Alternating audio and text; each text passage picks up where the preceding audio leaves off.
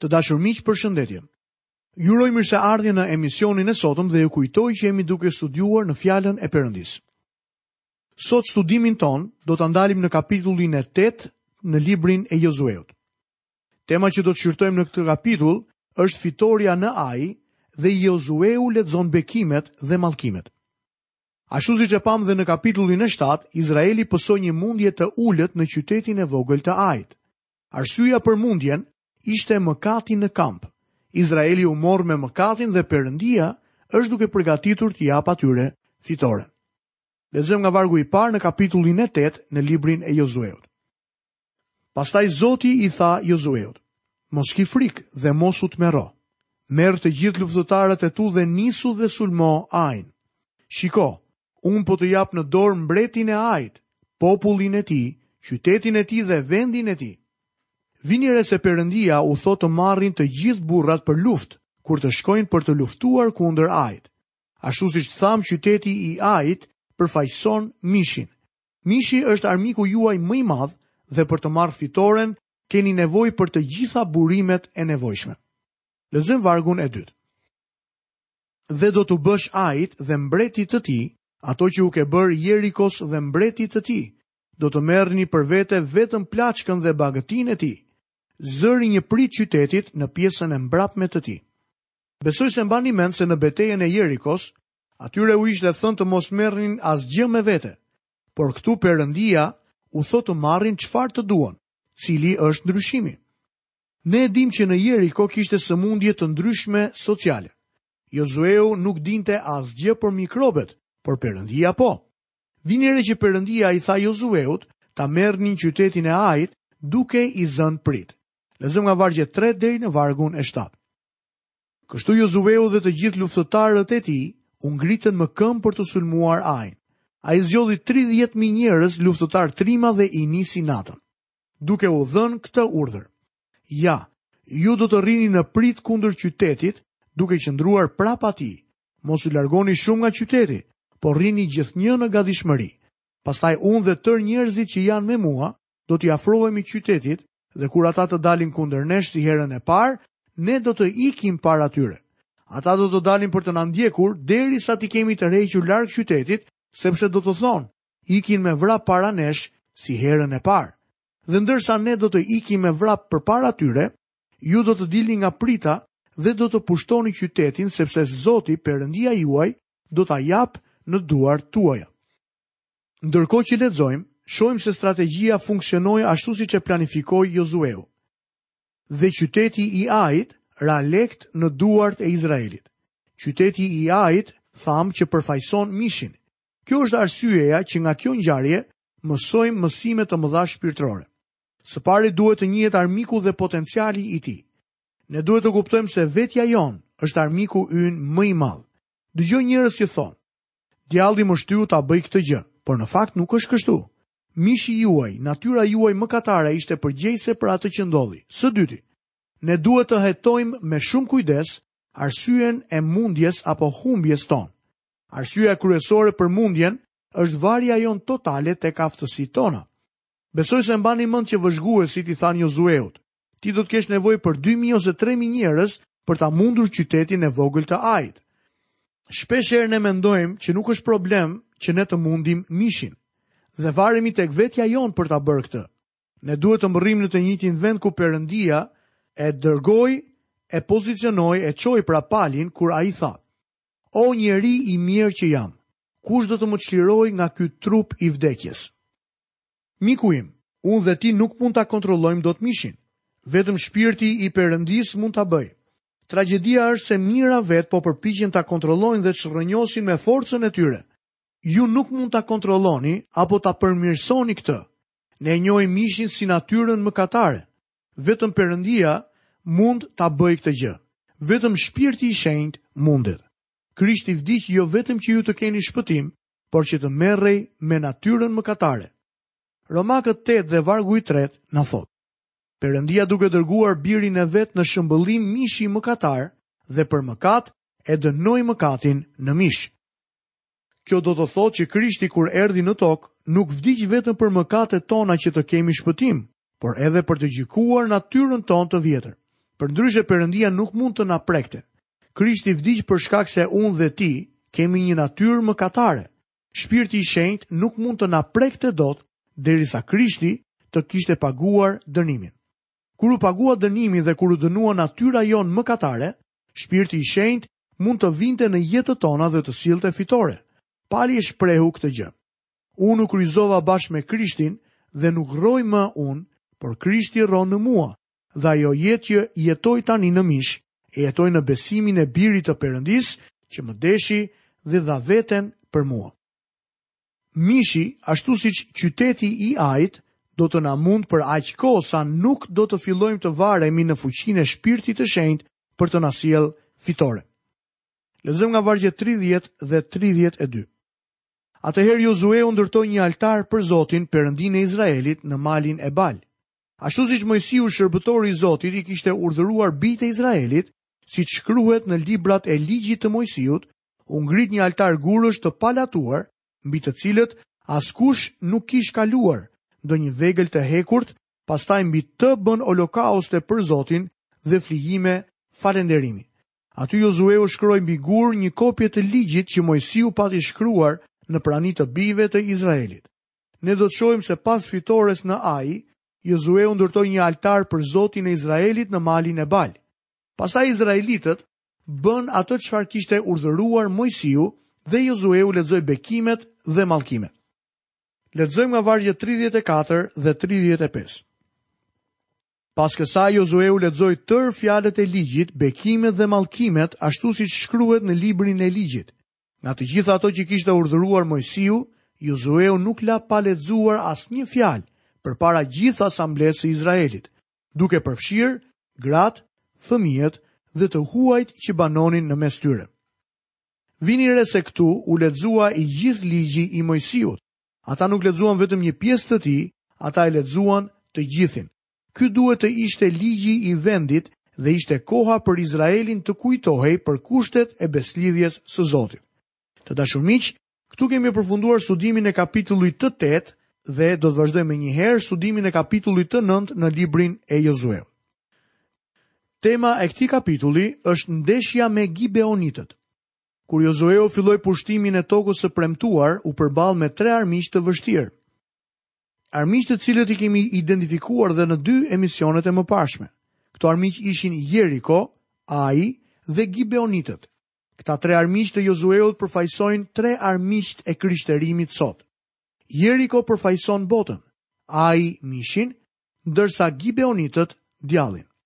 Strategjia e Jozueut ishte që të merrte së pari Jerikon që ndodhej në qendër të vendit, pastaj Ain që ndodhej në verilindje të Jerikos. Në jug ndodhej bashkimi i Gideonitëve. Me sa duket, kishte ardhur radha e pushtimit të tyre. Por ashtu siç do ta shohim gibeonitët ishin shumë të zgjuar. Lexojmë në kapitullin e 9 të Jozueut, vargun e parë dhe të dytë.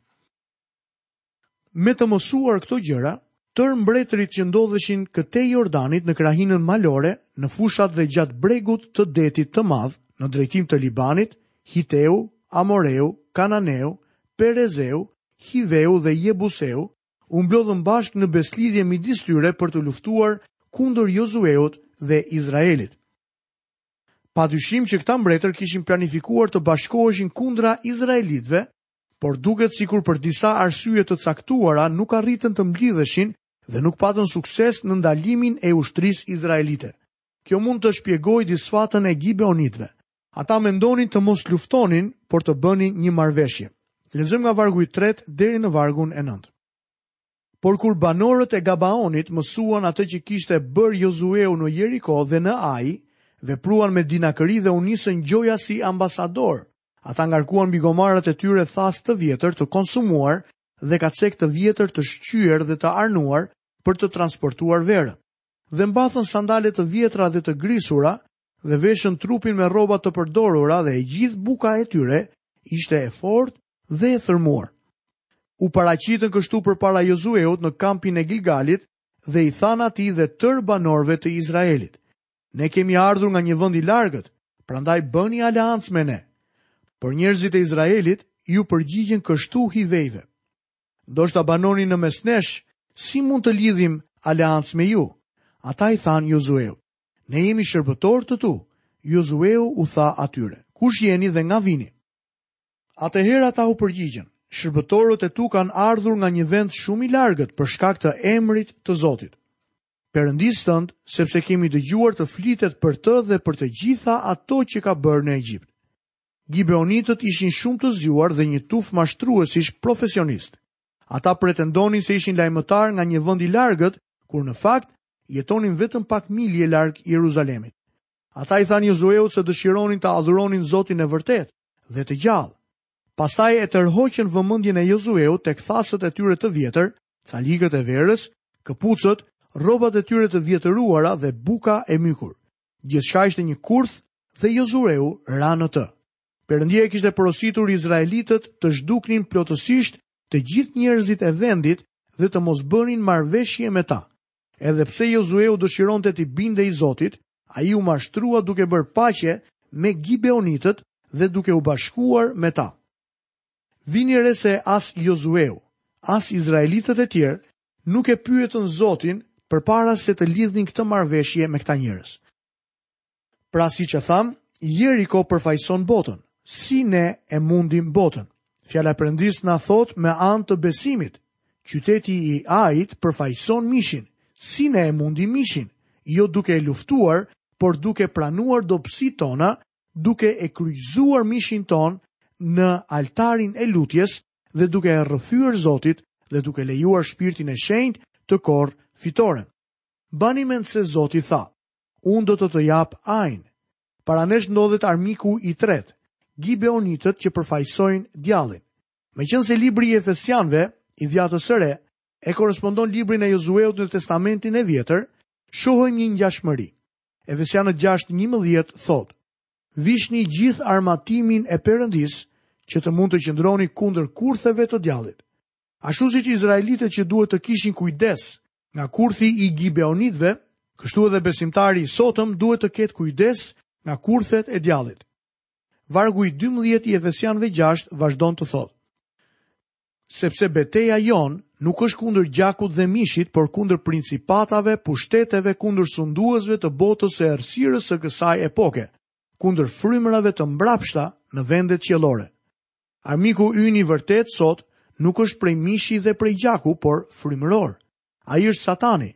Por sa të krishterë mund ta dallojnë atë sot? Sa të krishterë mund të dallojnë strategjinë e tij sot? Çfarë bën ai? Ai përpiqet t'ju mashtrojë në mënyrë që ta ndiqni atë. Nuk jam i sigurt nëse ai është i interesuar t'ju bëjë një pijanec apo një të droguar. Mendoj se ai është i turpëruar me turmën e tij nëpër bare dhe në vende të tjera të mëkatshme. Djalli dëshiron që ti të jesh fetar. Ai dëshiron që të biesh në gjunjë për ta adhuruar. Ai është i zgjuar dhe shumë të krishterë mashtrohen prej tij. Djalli mund të të zërë sytë. Tek letra e dytë drejtuar Korintasve, kapitulli 2 dhe vargu i 11, apostulli Pal thotë, që të mos na mposhtë Satani, sepse ne i dimë qëllimet e tij. Fatkeqësisht, ndonjëherë unë dhe ti, nuk i dimë dhe nuk i njohim qëllimet dhe strategjinë e armikut tonë, djallit. Si mund ta mundim këtë armik?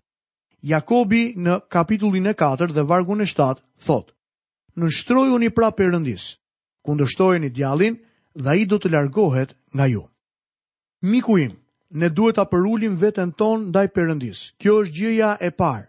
O sa nevojë kemi të qëndrojmë me të në këto ditë. Satani do të mashtrojë besimtarët, ai punon me dinakëri.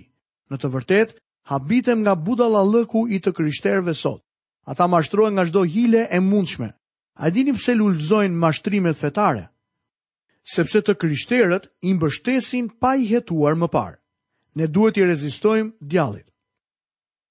Nuk duhet të kemi të bëjmë me ato organizata për të cilat nuk jemi të informuar më së miri. Në ditët e sotme ekziston rreziku i të bashkuarit me djallin pa e kuptuar, ashtu siç izraelitët në naivitetin e tyre u bashkuan me gibeonitët. Kur izraelitët zbuluan se gibeonitët ishin fqinj dhe i kishin mashtruar, vazhduan ta respektonin marrëveshjen që kishin bërë me ta. Lexojmë vargu 19 dhe 20. Atëherë krerët i thanë tërë asamblesë, Ne u jemi betuar atyre në emër të Zotit Perëndisë së Izraelit, prandaj nuk mund t'i ngasim. Këtë do t'u bëjmë atyre, do t'i lëmë të gjallë që të mos tërheqim zemërimin e Zotit, për shkak të betimit që u kemi bërë atyre. Edhe pse marrëveshja ishte lidhur në rrethana të pandershme për shkak të mashtrimit, ajo u respektua. Ndoshta mund të mendoni se këta njerëz të Testamentit të Vjetër nuk ishin të qytetëruar, por vini re se fjala e burrit ishte diçka shumë e rëndësishme. Kjo është ajo që Perëndia kërkon sot nga secili prej nesh. Lexojmë në vargjet 21 dhe 27. Krerët u thanë atyre, le të jetojnë pra, por do të punojnë si druvarë dhe do të mbartin ujë për të gjithë asamblenë siç u kishin thënë krerët. Por po atë ditë i caktoi që të jenë druvarë dhe bartës të ujit për asamblenë dhe për altarin e Zotit në vendin që ai do të zgjidhte deri në ditën e sotme. Miqtë e mi këtu kemi përfunduar studimin në kapitullin e nëntë në librin e Jozueut. Në minutat e fundit të studimit tonë në këtë emision, do të bëjmë një përmbledhje të kapitullit të dhjetë që do të studiojmë herën e ardhshme. Tema e këtij kapitulli janë fushatat jugore, mundja e pesë mbretërve dhe ndalimi i diellit. Në këtë kapitull Jozueu mund pesë mbretër të Amorejve, ndërkohë që vazhdon fushatën në jug të vendit. Ai e përfundon fushatën në jug me shkatërrimin e Makedahut, Lakishit, Libnahut, Eglonit, Hebronit dhe Debirit. Ky kapitull përmban ngjarjen e ditës së gjatë të Jozueut. A e ndaloi vërtet Jozueu diellin? Është pyetja që bëhet shpesh nga skeptikët. Më poshtë do të shohim disa shpjegime të sugjeruara për ditën e gjatë të Jozueut. Së pari, Disa njerëz e kanë bërë praktikë të tyren shmangjen ose dhënien e ndonjë interpretimi. Ata injorojnë plotësisht sikur të mos kishte vlerë për koment. Së dyti, disa të tjerë e trajtojnë gjuhën si poetike. Kjo miraton një shpjegim jo të saktë që largon mrekullinë nga e gjithë ngjarja. Ata që kapen te kjo pamje i referohen Gjykatësve 5 vargu 20. Nga qielli luftuan yjet gjatë lëvizjes së tyre, luftuan kundër Sireas. Unë nuk pranoj të quaj këtë gjuhë poetike për shkak se nuk kemi informacion të mjaftueshëm për të shpallur në mënyrë të pakundërshtueshme se këto fjalë janë poetike dhe jo fakte të natyrës. Kjo na kujton shprehjen e vjetër se gjuha poetike është ndonjëherë gënjeshtër prozaike. Së treti, disa e quajnë këtë mrekulli një përthyerje. Theksi vendoset tek vargu i 13. Së katërti, disa mendojnë se Perëndia ndaloi të gjithë sistemin diellor. Ata thonë se dita e Jozueut ishte 23 orë dhe 20 minuta. 40 minutat e tjera gjenden tek libri i dytë i mbretërve, kapitulli 20, vargu i 8 deri 11, ku dielli shkoi dhjetë shkallë prapa si një shenjë për Ezekian që jeta e tij do të zgjatej. Së pesti, disa mendojnë se Zoti e errësoi diellin edhe pse ai vazhdonte të ndriçonte. Versioni i Berklit e përkthen atë kështu: O diell, prit në Gibeon. Një përkthim tjetër thotë: O diell, rri në heshtje. Jozueu kishte marshuar gjatë gjithë natës rreth 20 milje që janë të barabarta me 60 kilometra. Ai e sulmoi armikun pas shpine dhe zbriti papritur mbi ta. Ishte korrik dhe temperatura ishte shumë e lartë.